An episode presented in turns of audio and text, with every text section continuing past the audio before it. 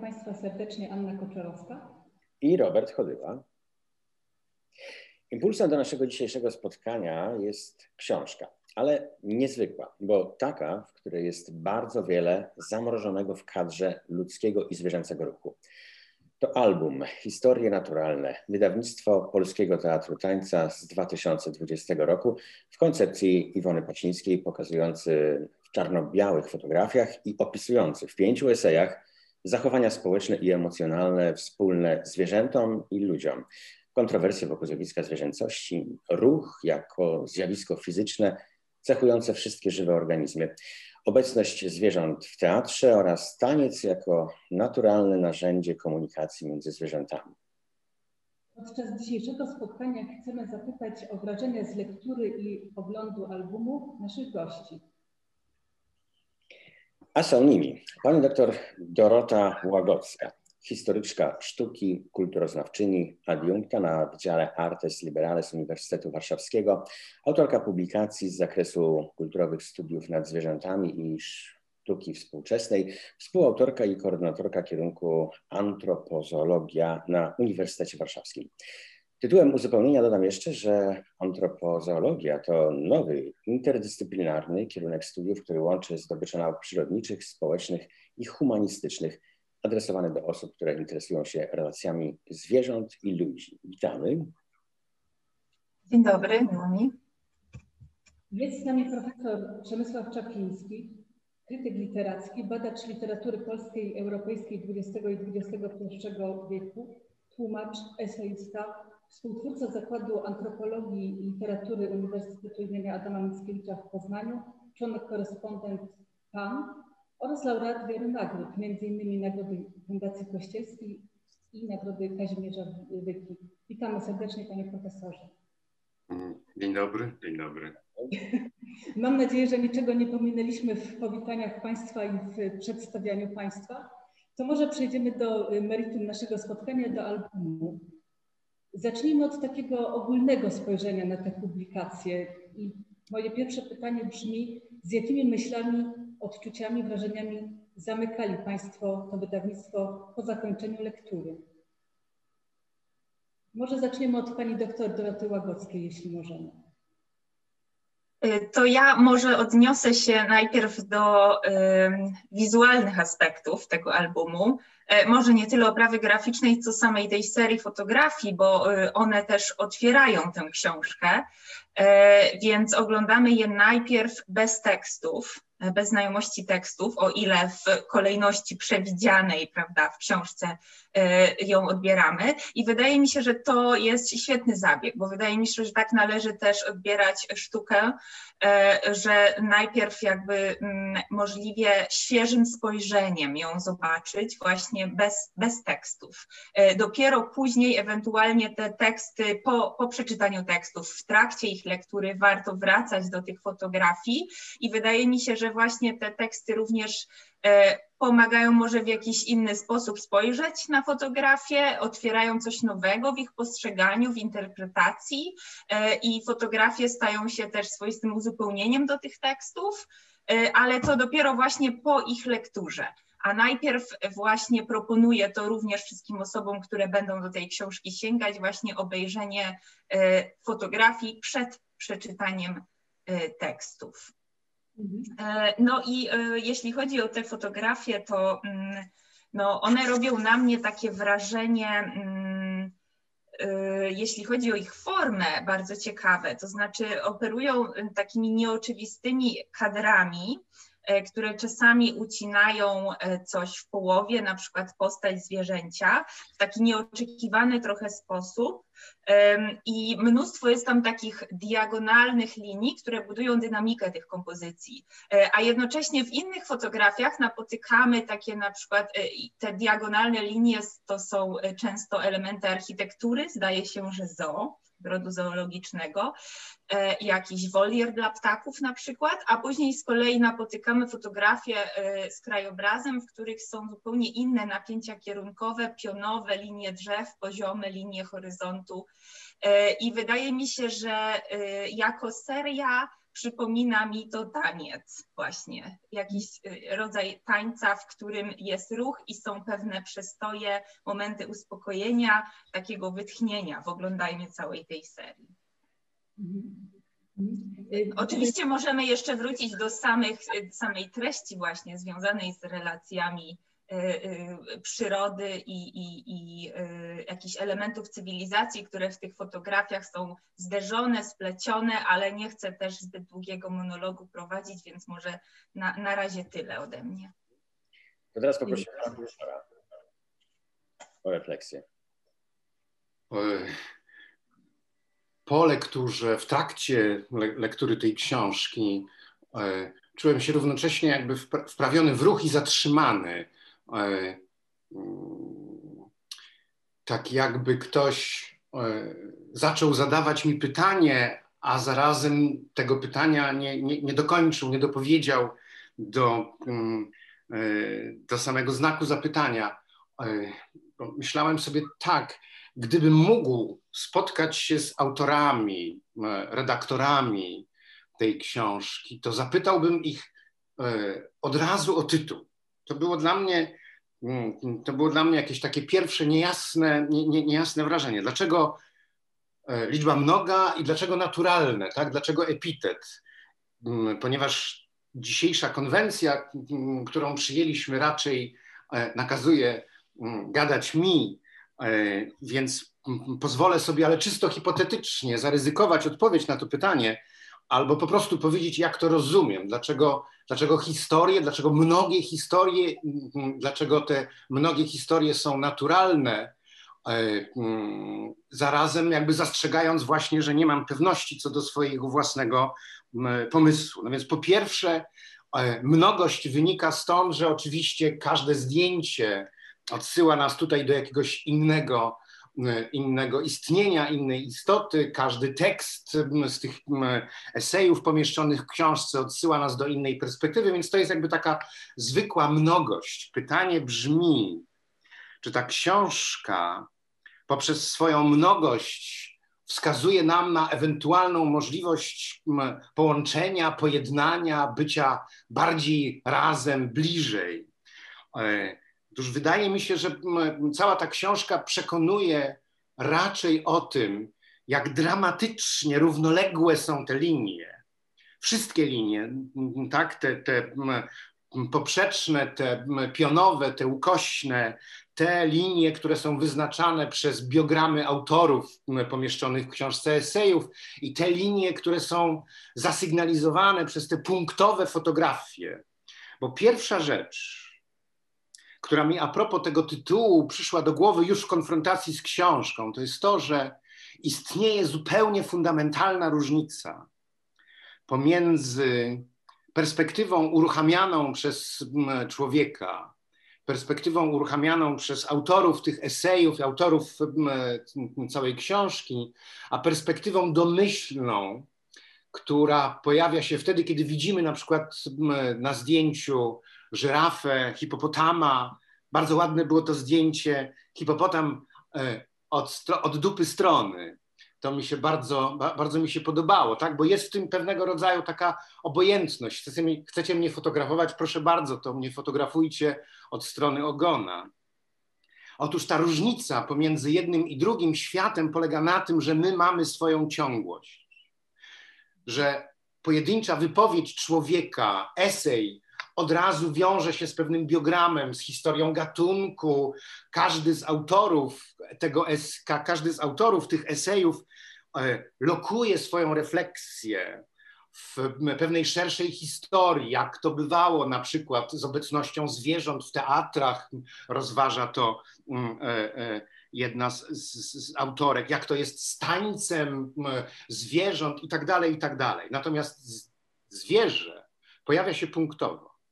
Nawet jeżeli na zdjęciach widzimy prawdopodobnie, na kolejnych zdjęciach widzimy prawdopodobnie to samo zwierzę, czyli jeszcze raz na przykład ta sama żyrafa wcześniej stała z tą swoją piękną, długą, wyciągniętą w górę szyją, żeby pożywić się gdzieś tam w stołówce na pierwszym piętrze, a na następnym zdjęciu jest jakaś żyrafa z pochyloną głową, to my możemy tylko domyślać się, że należy połączyć te dwa punkty ze sobą. My tworzymy ciągłość. Tak? Zwierzęta występują w tej książce punktowo, natomiast perspektywa ciągła, długie trwanie, trwałość to jest coś, co przynależy królestwu człowieka. Stąd, jak, jak mi się wydaje, e, historie naturalne są w tej książce tak naprawdę historiami nienaturalnymi.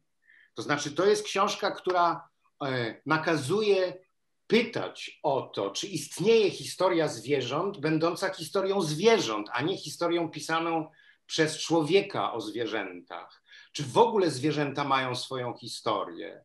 E, tak jak pojmuje ją, tak jak pojmuje ją człowiek. I jeżeli taka historia istnieje, czy ona jest historią, czy ona jest historią naturalną. Więc dobrym, e, dobrym e, skutkiem działania tej książki, swego rodzaju mm, puentą, może, mo, może głuchą, tak pewnego rodzaju, takim dziedzictwem, które książka mnie przekazała, dziedzictwem, które sobie wziąłem z tej książki, jest e, przewaga pytań nad odpowiedziami. Wątpię, tak, myślę, zastanawiam się, waham się, jestem pewien, jestem pełen mm, e, niepokoju i wątpienia, raczej niż mm, e, mam w koszyku zbiór gotowych twierdzeń. Nie mam jakichś takich ucukrowanych wrażeń. Mam raczej pełne poczucie niejasności co do możliwości stworzenia historii naturalnych, które by połączyły człowieka i e, zwierzę, człowieka i zwierzęta, człowieków i zwierzęta w jednej historii. Panie profesorze, y, jeszcze pozostaniemy przy Panu na chwilę, bo chciałbym więcej rozwinąć tutaj refleksję na temat samych esejów. E, eseje, które znalazły się w tym e, albumie, są to teksty e, pani doktor Ewy Zgrabczyńskiej pod tytułem Bestia w nas, pana Dariusza Gzyry pod tytułem Zwierzęcość, Człowieczeństwo, Różnorodność, pani Magdaleny i Jana Poleńskich pod tytułem Czas, Przestrzeń, Ruch i Życie, Anny Kaczorowskiej pod tytułem Zwierzę sceniczne o nieludzkich aktorach największych i najmniejszych scen świata oraz pani profesor Janny Ziomek, taniec i natury. Panie profesorze, na co pana zdaniem czytelnik powinien zwrócić uwagę podczas lektury tych tekstów, aby jak najwięcej wynieść ze spotkania z tą książką i na ile czytelny pana zdaniem jest nasz zamysł, aby zderzyć punkty widzenia humanistów, biologów, ekologicznego aktywisty w jednej publikacji? To jest bardzo trudne pytanie. I dlatego, e, zanim na nie odpowiem, zasłonię się, na chwilę się zasłonię. To jest kompletnie przypadkowy zbiór książek dotyczących w jakiejś mierze tego samego, to znaczy właśnie obecności zwierzęcia, obecności zwierzęcia w kulturze ludzkiej od bardzo różnej strony, od strony literatury, od strony fotografii, od strony eseju. Tak, tutaj są pozycje bardzo znane, tak na przykład ta słynna książka Bernta Heinricha Wieczne Życie, prawda? E, są też książki, są też książki mniej znane. E, dlaczego je, dlaczego je wymieniam? Jest tutaj również e, coś w rodzaju takiego skryptu dla nauczycieli i uczniów szkół średnich i, i tak dalej. Dlaczego ja, dlaczego ja wymieniam te książki, dlaczego je tutaj ustawiam? ponieważ na szczęście e, znajdujemy się w takim okresie, w którym wszyscy wiedzą, że tak dalej być nie może, i zarazem na szczęście sprzeczamy się nadal o to, spieramy się nadal o to, e, jak być powinno. E, mówię na szczęście, ponieważ wydaje mi się, że ustalenie jakiejś jednej perspektywy raczej sprzyjałoby pewnej formie państwowej przemocy niż sensownemu rozwiązaniu bardzo głębokich, bardzo poważnych problemów. E, mówiąc to wszystko, trochę unikam odpowiedzi, bo nie wiem. Nie wiem, na co czytelnik, zresztą w ogóle nie, nie sądzę, żeby, żeby to miało żeby to miało e, taki prawdziwy sens, tak? Odpowiadać na pytanie, od czego czytelnik powinien zacząć. Niech zaczyna od tego, od czego chce. Niech otworzy tę książkę na przypadkowej stronie, idzie w prawo albo w lewo. Czasem taki bałagan, taka, taka wirówka e, uprawiana w książce jest lepsza od lektury linearnej. Tym bardziej, że ta książka e, co jest jej wyraźną zaletą, nie ma swojego jednoliniowego porządku. Tak? Można zacząć od dowolnego eseju, przejść do fotografii, cofnąć się do następnego eseju, tak? czyli jakby właśnie trochę zrobić sobie taki model do składania. E, I myślę, że to by była chyba najlepsza lektura, najlepszy model czytania. Mm, zacząć na przykład od, od tekstu Dariusza Gzyry, który bardzo, bardzo mądrze pisze o tym, żeby wystrzegać się twierdzeń ostatecznych, takich jak wszyscy ludzie powinni to a to, wszystkie zwierzęta są tym a tym, prawda? Właśnie e, nasza szansa polega na tym, żeby dzisiaj być w świecie ustępliwym, tak? chociaż zarazem stanowczym w e, e, e przywracaniu pewnej równowagi, tak, czy ratowaniu środowiska, to zarazem ustępliwym wobec nowych pomysłów na ułożenie relacji pomiędzy człowiekiem i środowiskiem naturalnym. Więc na przykład to byłby jakiś pomysł, zacząć od Dariusza Gzyry, przejść do fotografii, zastanowić się nad tym, jak bardzo, tu jeszcze raz powrócę do swojego pomysłu, jak bardzo nieprzywiedlne, jak bardzo równoległe są te historie, te zdjęcia przedstawiające na przemian ludzi i zwierzęta oraz ten esej.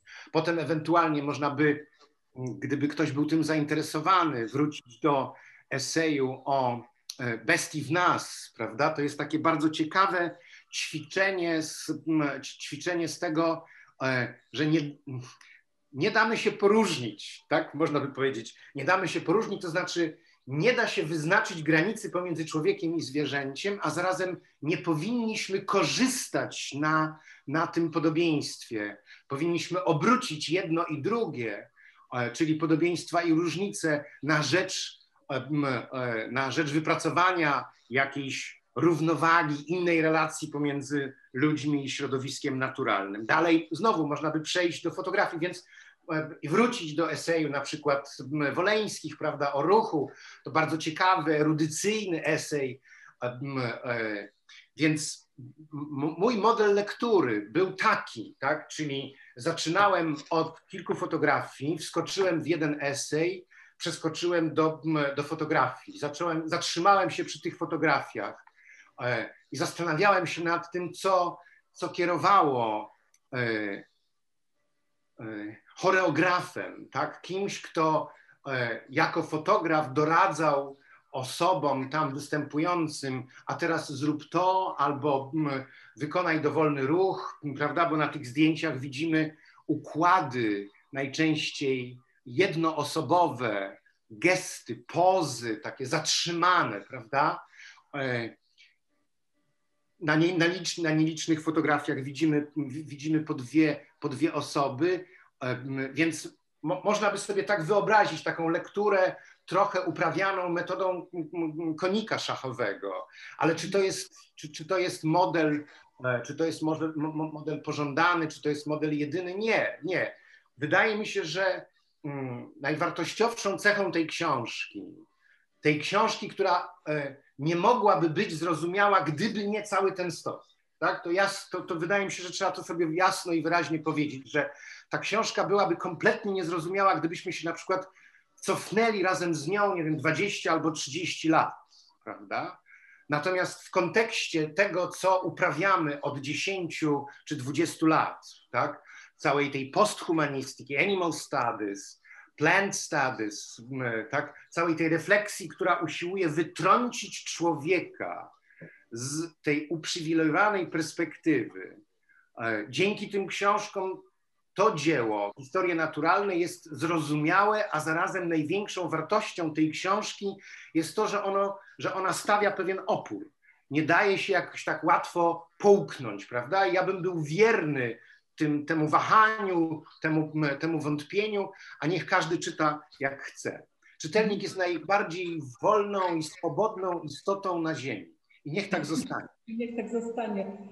Pani doktor, a jak Pani odczytuje y, w warstwie wizualnej przekaz tego albumu? I być może Pani też chciałaby zaproponować jakiś ewentualny model lektury y, od tej strony bardziej oglądu może na ten moment, niż akurat lektury tekstów. E, poprosimy tylko o e, otwarcie mikrofonu, e, pani doktor przepraszam, y, żeby nie było zakłóceń, wyłączyłam, jak pan profesor mówił, więc y, nie wiem, czy mogę zaproponować model lektury, oprócz tego, co już powiedziałam, czyli że polecam najpierw obejrzeć fotografię, a potem przejść do tekstów, a potem można już sobie dowolnie po tym skakać, tak jak pan profesor sugerował. Y, natomiast rzeczywiście myślę, że fotografię warto zobaczyć jakby przed tekstami najpierw, ale, ale też to, co ja powiedziałam y, na początku dyskusji, odnosiło się bardziej do tych pierwszych fotografii, które otwierają album, mniej do tych, które są dalej, bo wydaje mi się, że one nie, nie bez powodu zostały podzielone e, i że one są zupełnie inne, e, zarówno pod względem formalnym, jak i e, treści, które niosą. Więc y, ta druga część, przyznam, że jest dla mnie trudniejsza jakaś w odbiorze, I yy, być może właśnie dlatego, że tutaj pojawia się taki element yy, mocnej choreografii i kompozycji, i że tutaj właśnie też te fotografie, ich kadry są zupełnie inne, są takie jakby bardziej wyestetyzowane, czyste i, i są pewnymi zamkniętymi całościami, w przeciwieństwie do tych pierwszych fotografii, które były takie niejako ukradkowe, wyrywkowe, trochę. Mm, i e, no tutaj mamy, no można by długo o tym mówić, bo tutaj mamy i portrety ludzi, i portrety zwierząt, i mamy też takie dosyć tradycyjne jednak porównania czy zestawienia, na przykład kobiety z długimi włosami i pawia z jego ogonem ciągnącym się po ziemi, prawda? Więc tutaj niektóre te zestawienia są takie e, mocno tradycyjne, inne są zupełnie mniej oczywiste i myślę, że tutaj oglądający mogą mieć szereg skojarzeń. Jeśli chodzi zaś o tytuł, no to tutaj wydaje, znaczy mnie przynajmniej, historie naturalne bardziej się zawsze kojarzyły, może ze względu na na to, czym się ostatnio interesuję z y, muzeami historii naturalnej i historią nauki, więc tutaj to trochę jest zaskakujące, przyznaję, ale, ale w ciekawy sposób to gra. Trochę te fotografie z drugiej części, w nich zwierzęta czasami sprawiają wrażenie, że są takimi okazami swoistymi, ale swoje, z kolei ludzie też takimi okazami trochę się stają, takimi okazami gatunkowymi poniekąd. E, I trochę też jest, y, te fotografie sprawiają na mnie wrażenie takiej etologicznej obserwacji. Y, może też trochę w nawiązaniu do tego, o czym pisała Joanna Ziomek o o pewnych zachowaniach zwierząt, które y, spełniają jakby podstawowe definicje tańca, czyli rytm i ruch w czasie, no to tutaj powiedzmy, że możemy, mm, widz jest takim obserwatorem, obserwatorem, który obserwuje te zachowania ludzi i zwierząt. Więc ludzie poniekąd stają się właśnie tu jednym z gatunków, który ma swoiste zachowania i taniec czy teatr.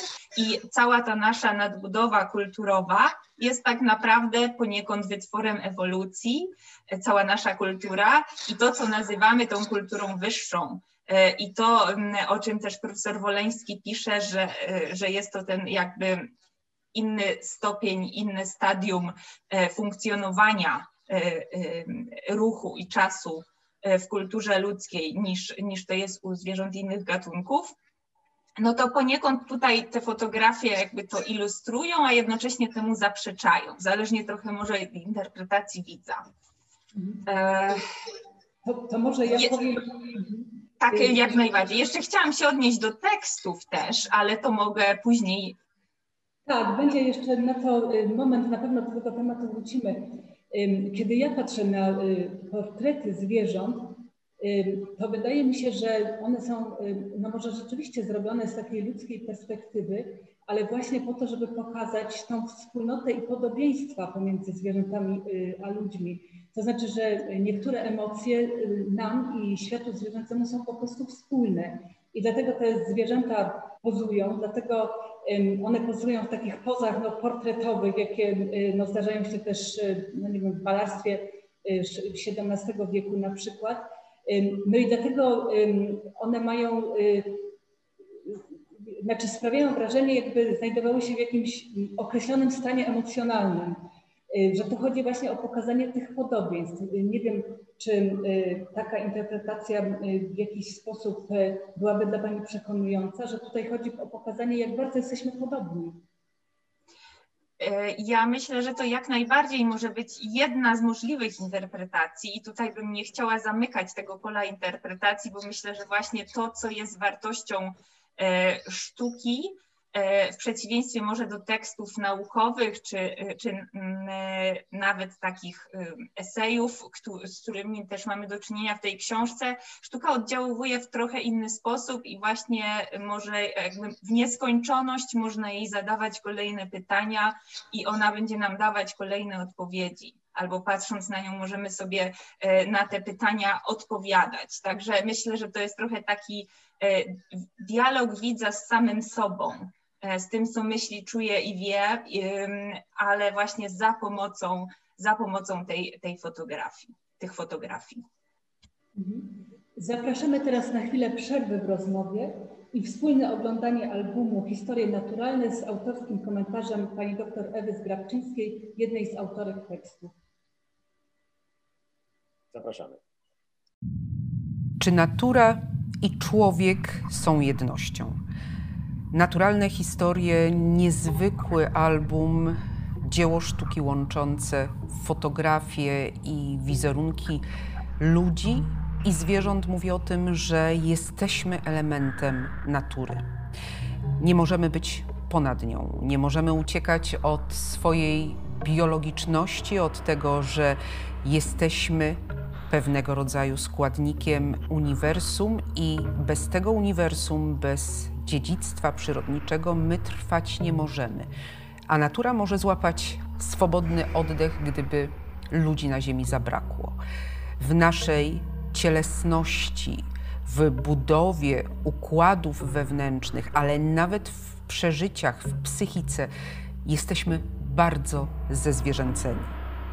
I nie jest to określenie pejoratywne. To zezwierzęcenie mówi o tym, że podobieństwo uczuć, emocji, stanów, nawet naprężenia mięśni czy przyjmowanych postaw jest bardzo bliskie temu, co dzieje się ze zwierzętami, temu, w jaki sposób one wyglądają, reagują, jakim elementem świata stają się i w jaki sposób przeżywają swoje historie istnienia.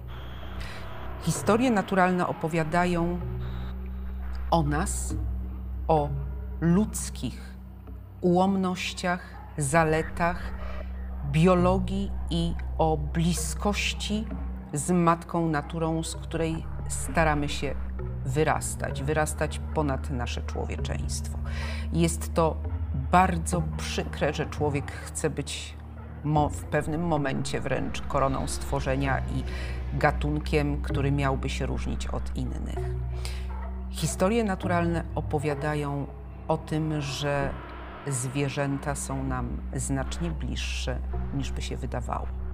Że nasze podobieństwa, natura gatunków, które obok nas współegzystują, są na tyle tożsame, że przyjmując podobne pozycje, postawy ciała, ruch, możemy się jeszcze bardziej do tych zwierząt zbliżyć i może się okazać, że w naszych emocjach i uczuciach ta bliskość jest czymś zupełnie naturalnym.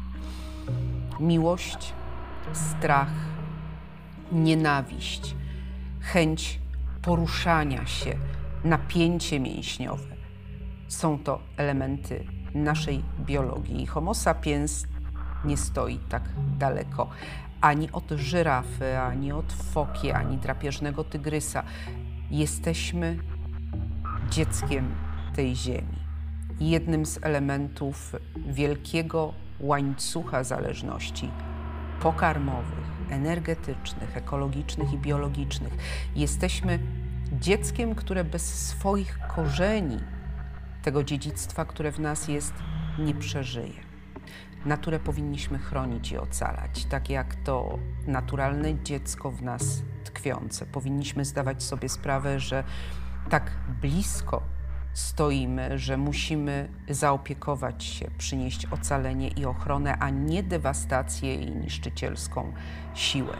Historie naturalne to powrót do korzeni naszego człowieczeństwa, ale i naszego biologizmu, tego, kim jesteśmy i kim być powinniśmy. Mówi o ocaleniu i o niepodcinaniu tej naturalnej biologicznej gałęzi, na której wszyscy razem z innymi organizmami żywymi tkwimy.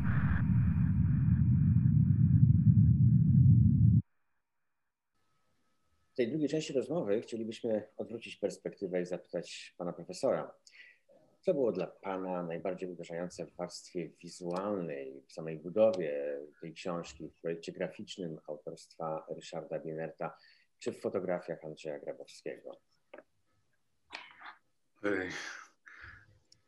Pozostanę wierny no, swojemu, swojej perspektywie e, dziwienia się, wątpienia, E, rozmaitych wahań, niepewności. E, I z tej perspektywy pomyślałem sobie, że e, człowiek, żeby być naturalnym, musi być sztuczny. Wszystkie te zdjęcia, które widzimy, bardzo ciekawe, wystylizowane, staranne, dowodzą właśnie tego, że człowiek, który chciałby się upodobnić do zwierzęcia, e, musi wykonać bardzo wiele czynności, musi ustawić się e, w bardzo określony sposób w konkretnym pejzażu, krajobrazie, musi się rozebrać prawie do naga, i dzięki temu tak widzimy właśnie piękną sylwetkę, piękne ciała, e, niezwykłe zupełnie pozy. Przy niektórych, e, przy niektórych układach cielesnych e, odczuwam ból na myśl, że ja miałbym taką pozę przybrać. Tak, jestem już, jestem już nieco starszy od, od tych ludzi, którzy tam pojawili się na fotografiach, więc e, nie wykonałbym nawet statycznie takiego, takiego układu, ale tak czy owak, prawda, żeby się upodobnić, człowiek, żeby się upodobnić do zwierząt, człowiek musi się jakby odpodobnić od człowieka, e, zdjąć garnitur, prawda, zostać tylko w majtaskach, e, koniecznie w pełnym świetle, na polanie, wśród drzew, prawda, to jest raczej wyjątkowy kontekst dla człowieka. Ten normalny kontekst to jest właśnie to, co teraz widzimy na naszych ekranach, prawda?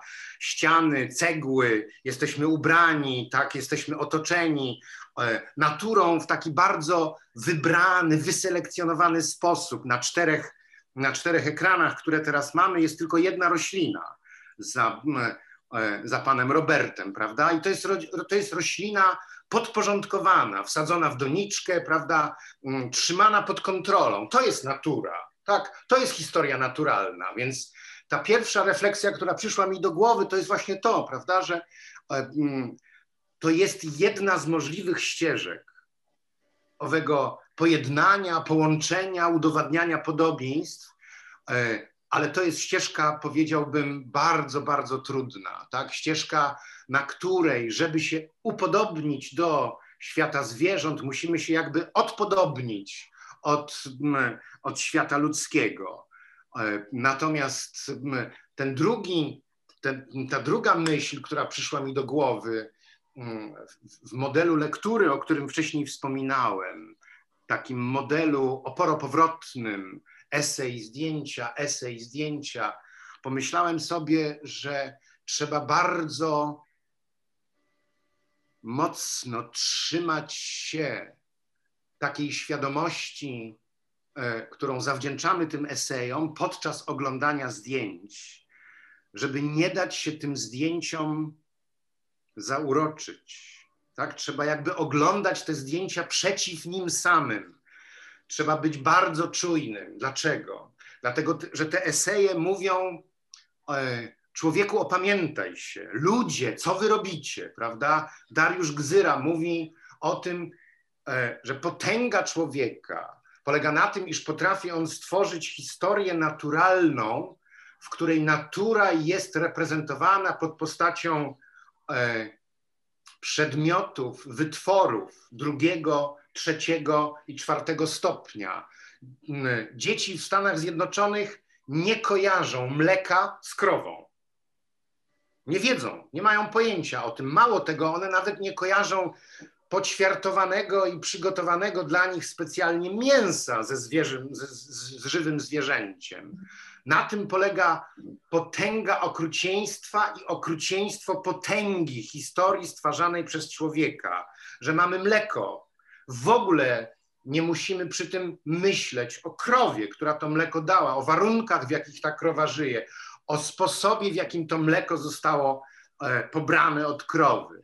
Dlatego e, oglądając te zdjęcia, trzymałem się stołu, żeby nie dać się wciągnąć do środka tego świata, bo to są piękne zdjęcia. Zarówno te, które przedstawiają żyrafę, pawia, małpy, e, nosorożca, e, rysia, żbika, jak i te zdjęcia, które przedstawiają tancerzy. Tak zawsze z ogromną zazdrością oglądam, podziwem, oglądam tego rodzaju zdjęcia, myśląc o tym, jak bardzo bym chciał, jak bardzo bym chciał mieć takie gibkie ciało, które jest w stanie jakby wtopić się w naturę. Tylko, że to jest właśnie owa natura, zakrywająca naturę. To jest ta historia naturalna, którą my sobie ustawiamy, kadrujemy, tak aby nie było tam widać na przykład e, krowich cycków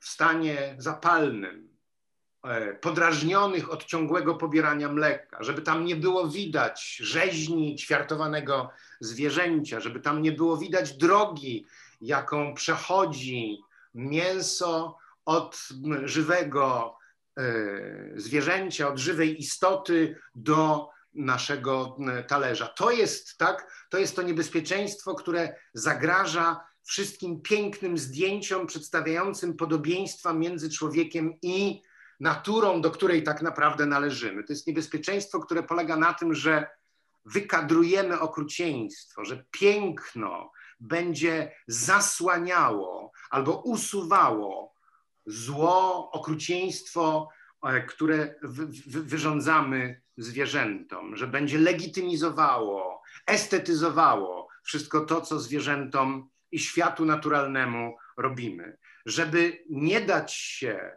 w pewnym sensie wciągnąć w ten świat. Tak jak powiedziałem, pozostawałem wierny owej perspektywie krytycznej, której nauczyła mnie e, eseistyka, czy nau której nauczyły mnie te eseje zawarte, zawarte w książce. Nie dać się wciągnąć do tego świata piękna, bo jak się dasz wciągnąć, no to właśnie zapomnisz o tym, jakimi drogami chadza czyn ludzki, e, oprócz tego, że potrafi również przedstawić w bardzo piękny sposób zwierzęta i całą, całą naturę.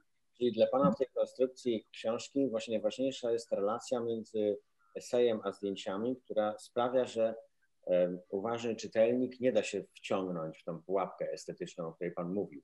Powinien nie dać się. Powinien nie dać się wciągnąć, tak? Powinien czytać te zdjęcia, e, krytycznie, nieufnie, tak? E, trochę tak może jak James Bond, czyli wstrząśnięty, ale niezmieszany, prawda? Niezmieszany w tym sensie, że e, nie dający się jakby pochłonąć temu niewątpliwemu pięknu zarówno sylwetek zwierzęcych, jak i sylwetek, jak i sylwetek ludzkich, tak? Zastanawiać się raczej po tych esejach należy raczej się zastanawiać nad tym, jak jest możliwa tak nieprawdopodobna paralelność e, światów, w których e, równocześnie istnieją ludzie gotowi przekonywać o tym, byśmy e, zaczęli nad sobą panować, ponieważ panujemy nad zwierzętami. Sprawujemy nad zwierzętami całkowitą kontrolę. Możemy nakazać im żyć, i możemy nakazać im umrzeć. Jak jest możliwe istnienie takiego świata, w którym pojawiają się piękne eseje i równocześnie gdzieś poza kadrem istnieje rzeźnia, istnieje, mm, istnieje pastwisko, istnieje ogród zoologiczny, prawda, gdzie zwierzę jest mm, mm, umieszczone za kratami i tak dalej, i tak dalej. Tak? To, co mnie najbardziej zastanowiło, to e, niedoreprezentowanie w tej książce owej mnogości historii. Na fotografiach nie ma historii mnogich. Jest coś w rodzaju stylizacji na jedną historię. O, popatrz, oglądaczu, popatrz widzu, mówi ta książka, mówią te fotografie, popatrz, jak bardzo jesteśmy podobni. No nieprawda, nie jesteśmy podobni. Nawet ja wtedy, kiedy jesteśmy powiedzieć? podobni, to jesteśmy wyżsi, to jesteśmy potężniejsi. Dlaczego? Dlatego, że w dzisiejszym świecie definicja człowieka jest niesłychanie prosta i niesłychanie okrutna. Człowiek to istota, która może zabijać zwierzęta, może je hodować, może je, e, może je zjadać, panuje nad nimi. Zwierzę to istota, której nie wolno zabijać człowieka. E, czy, czy ja mogę e, z dwiema uwagami się włączyć? E, pierwsza odnosi się do tytułu. Historie naturalne w liczbie mnogiej wzięły się stąd, że w tym albumie przedstawione są różne zestawienia wizerunków zwierząt i ludzi, które to zwierzęta i ludzie wchodzą ze sobą w różne relacje. I podobnie zwierzęta wchodzą między sobą, między gatunkami zwierząt w różne relacje. Także tutaj chodziło o te napięcia i jakby dialog pewien, który się y, dzieje pomiędzy człowiekiem a różnymi gatunkami zwierząt, jak również y, między zwierzętami między sobą. A druga uwaga y, dotyczy tego, co pan profesor powiedział o o tym y, jakby estetyzowaniu y, świata natury. Czy nie sądzi Pan, że jednak jest tutaj pewien krok w innym kierunku niż antropocentryczny, ponieważ to jednak zwierzęta są tym wzorem, który człowiek naśladuje. To my przyglądamy się naturze i staramy się swoim ciałem pokazać to, jak natura się zachowuje, jak się porusza. I czy to nie jest pewien wyraz też pokory w stosunku do świata natury pozaludzkiej, który człowiek y, no jednak w tym albumie pokazuje, wyraża. Mm -hmm. Bardzo możliwe, ba bardzo możliwe. A jeżeli nawet niekoniecznie dla mnie pewne, to z całą pewnością pożądane. Tak? I w tym sensie oczywiście byłbym po stronie, byłbym po stronie autorów tej książki, autorów zdjęć, mm, także tych e, mm, ludzi, którzy się umieścili w kadrze. E, na wszelki wypadek, żeby, żeby wyjaśnić pewną kwestię, mnie się wydaje, że e, dobrze się stało właśnie, że te sylwetki ludzkie są w pewnym sensie tak upozowane, że one są artystycznie zakomponowane, e, a więc pewna sztuczność jest tutaj nie tylko, że nieskryta, ona jest wyeksponowana, bo e, jeszcze raz pozwolę sobie powtórzyć, dzięki temu piękno tych zdjęć stawia pewien opór. Ja to odczytałem, ja to odczytałem właśnie tak, że nie wolno dać się jakby wciągnąć do środka tego świata, nie wolno dać się zauroczyć tym zdjęciom, e, nie wolno dać się mm, e, jakoś zwyciężyć owemu, owemu pięknu. Należy pozostać w takim stanie trochę schizofrenicznym. Ja wiem, że schizofrenia jest bardzo niebezpieczną rzeczą, e, przypadłością, ponieważ człowiek może zabrnąć w płacenie podwójnych podatków, ale tutaj, w przypadku tej książki, bardzo by mi na tym zależało. To znaczy, właśnie jakby na czerpaniu pewnej krytycznej wiedzy, krytycznej perspektywy, dystansu do wszelkich reprezentacji świata natury dokonywanych przez człowieka e, i w konfrontacji z, ze zdjęciami, tak, utrzymanie tej perspektywy krytycznej powoduje, że inaczej niejako na te zdjęcia patrzymy. Co do dialogu, dialog zakłada równość. Pomiędzy zwierzętami pewnie tak. pomiędzy tymi, pomiędzy tymi zwierzętami, co do których, co do których coś wiemy, tak, my, my, mrówki, pszczoły, delfiny, małpy, szpaki, kruki, tak, e, to są świnie, tak, to są nieprawdopodobnie zdialogowane gatunki, zdialogowane zwierzęta.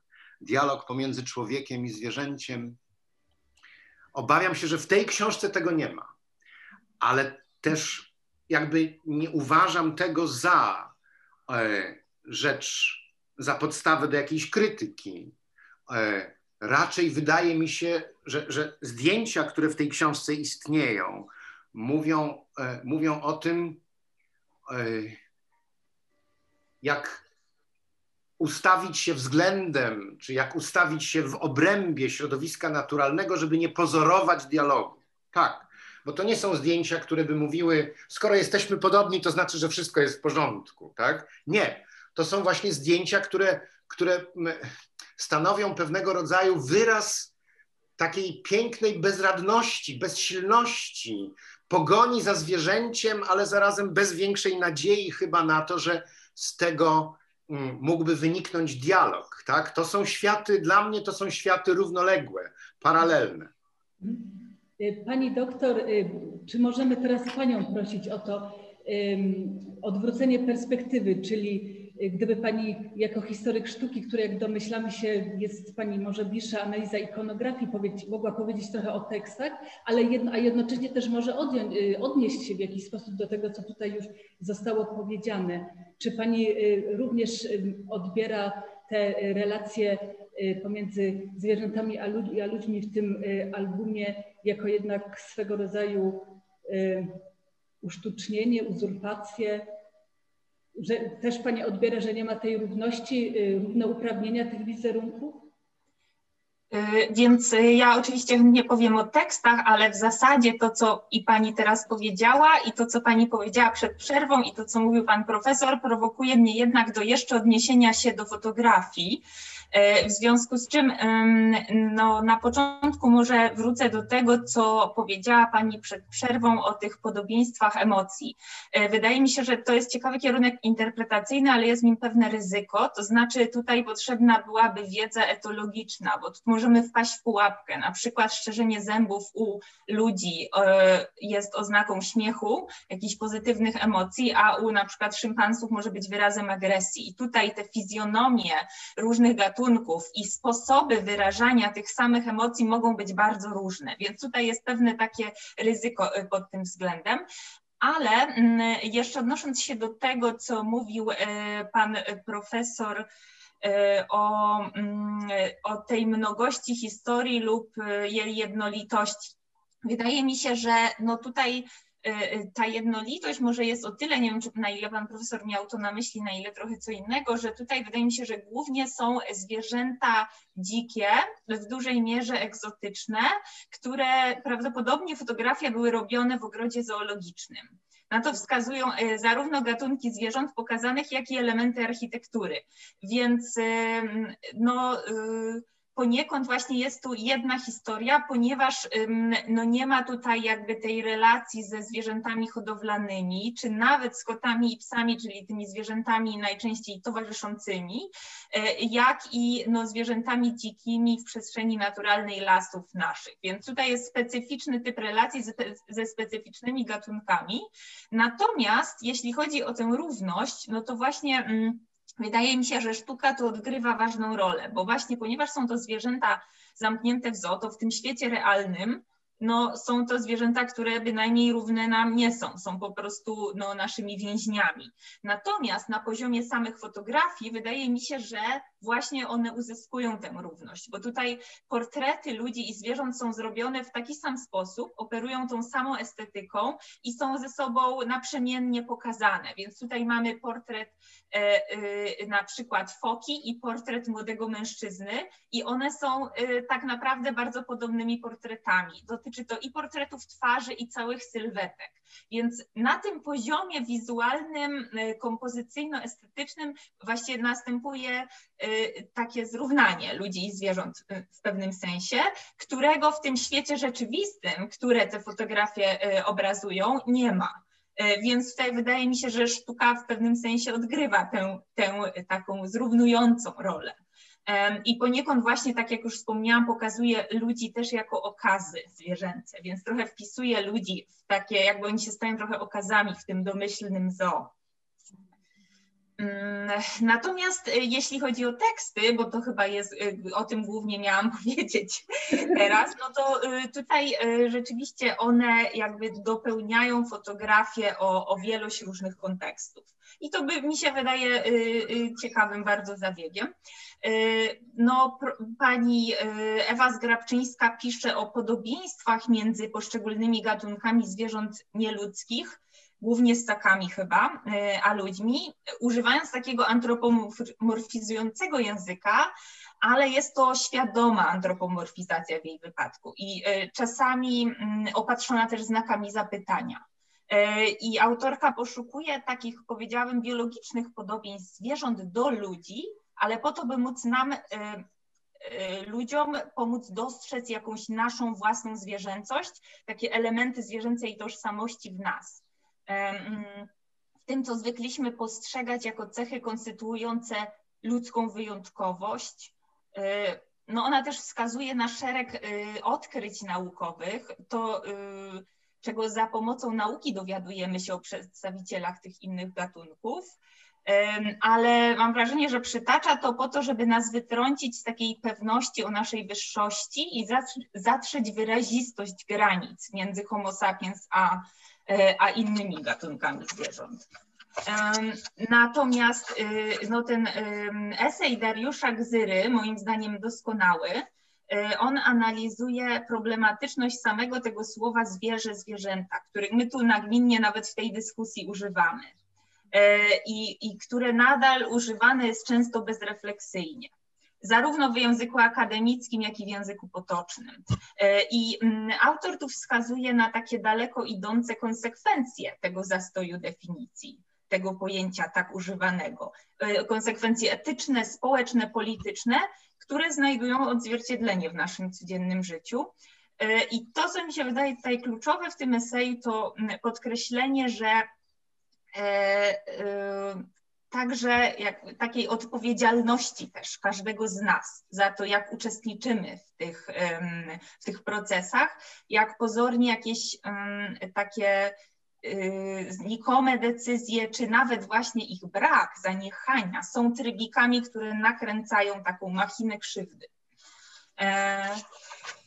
E, jeśli chodzi o pani esej, no to tutaj powiem szczerze, że ja na taki tekst czekałam od dawna. To znaczy właśnie w kulturowych Animal Studies brakowało mi teatru. Ja o tym nie mogłam pisać, pisałam najwyżej o performensie, ale właśnie brakowało mi, znaczy od dawna czekałam na to, aż też tak właśnie teatrologia włączy się w ten dialog Animal Studiesowy. E, także, także tutaj się cieszę też, że pani podjęła się takiego trudnego zadania, przeglądu, przeglądu historycznego e, takich praktyk, które się jakoś wpisują w to zjawisko teatralności. I że też przy tym wszystkim pamięta Pani o tej perspektywie takiej krytycznej, etycznej, i że włącza Pani w te zjawiska też właśnie na przykład walki zwierząt, takie zjawiska, które w, no, nie w sposób oczywisty w naszym współczesnym postrzeganiu tego, czym jest teatr, taka sztuka wysoka, prawda, e, e, nie, nie zupełnie jest to nasze pierwsze skojarzenie zawsze. I Pani pokazuje, jak to jest uwikłane w historię teatru. Także to, to, to, mi, się, to mi się bardzo podobało i też uważam, że to wcale nie było łatwe zadanie, żeby to tak o tym tak napisać. Mm. No i jeszcze może tylko króciutko o, o właśnie y, tym tekście Joanny Ziomek, która pisze o zachowaniach różnych gatunków zwierząt, które wpisują się w taką podstawową definicję tańca jako zjawiska opartego na ruchu i rytmie w czasie.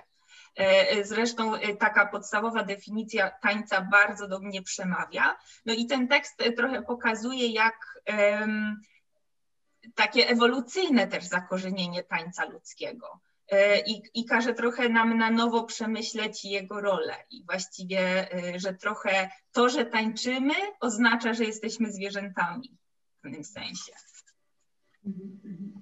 No rzeczywiście tak chyba w pełni udało się zanalizować i od strony wizualnej, i od strony E, literackiej tą książkę, ale na koniec jeszcze chciałbym takie podsumowujące pytanie dla e, Państwa, ponieważ e, ta nasza rozmowa odbywa się w ramach pierwszego Międzynarodowego Festiwalu Granice Natury, Granice Kultury, organizowanego przez Polski Teatr Tańca, a album Historie Naturalne w naszej opinii stawia pytanie o takie granice. Jak Państwo by na to pytanie odpowiedzieli? Może na początek Pan Profesor. Bardzo trudne, chociaż ciekawe pytania dzisiaj zadajecie. E, wydaje mi się, że e, najistotniejszą kwestią, z czego sobie e, zdajemy sprawę od dłuższego czasu, jest samo pytanie o granicę. Kto ją wyznacza? Skąd ona się bierze? dzięki czemu trwa, czemu zawdzięcza swoją moc, siłę zobowiązywania. To jest ta granica, która oddziela kulturę od natury, jest e, niesłychanie umowna. Eseje zawarte w tej książce świetnie o tym przekonują, prawda? E, ale także obserwacja codziennej rzeczywistości, świata, w którym żyjemy, e, zwierzę hodowlane jest opatrzone bardzo niewieloma prawami.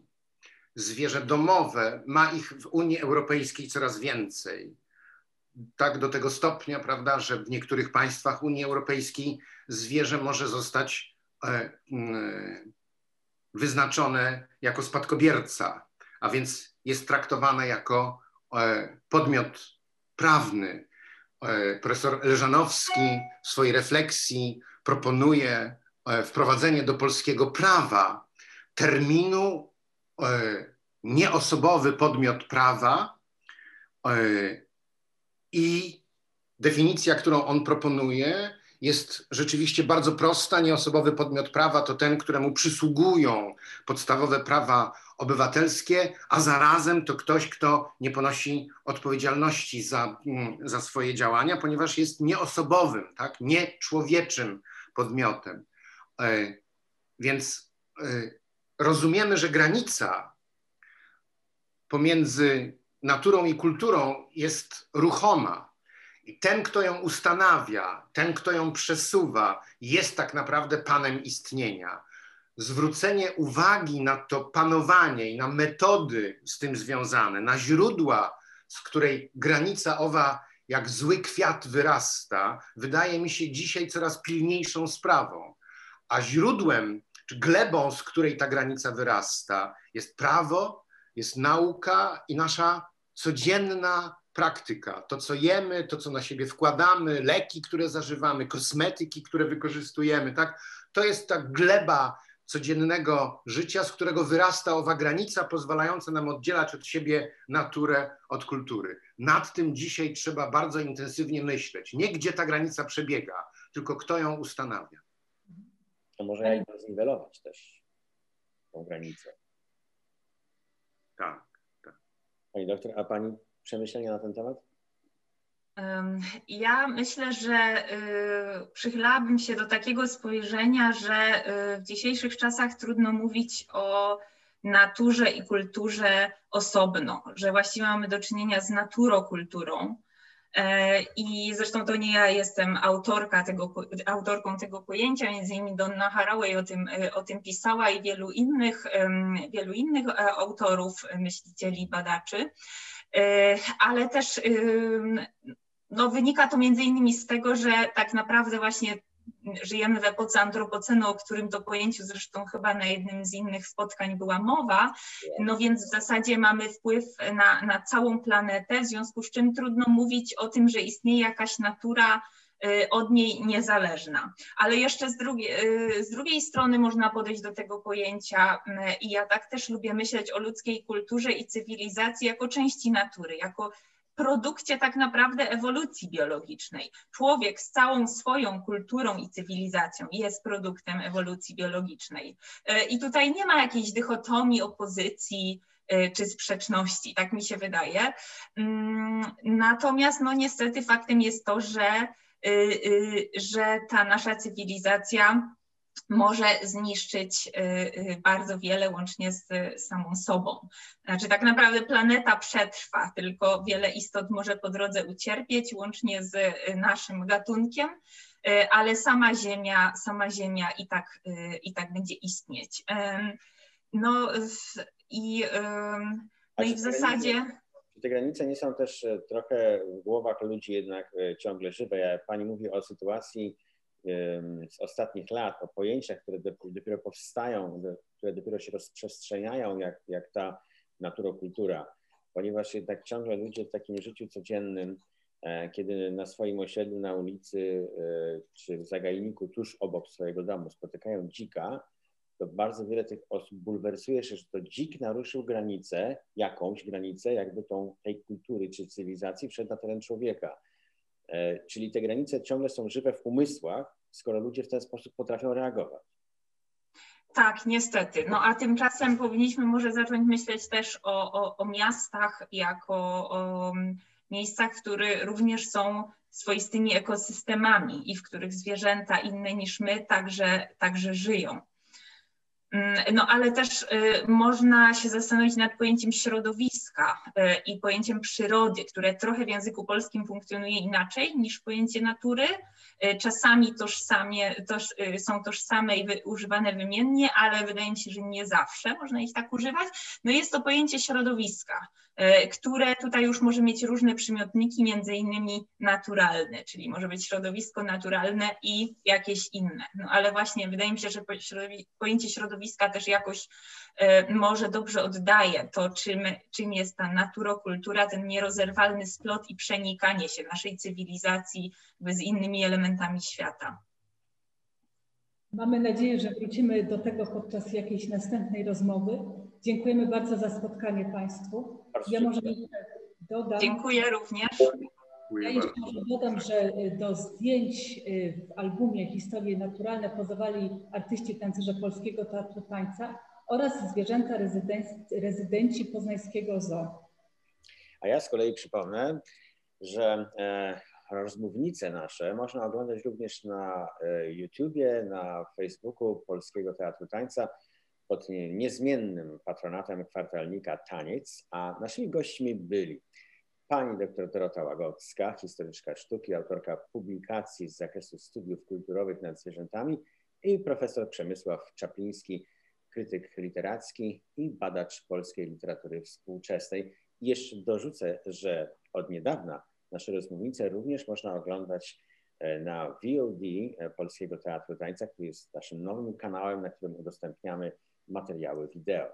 Jeszcze raz e, bardzo dziękujemy, Aniu.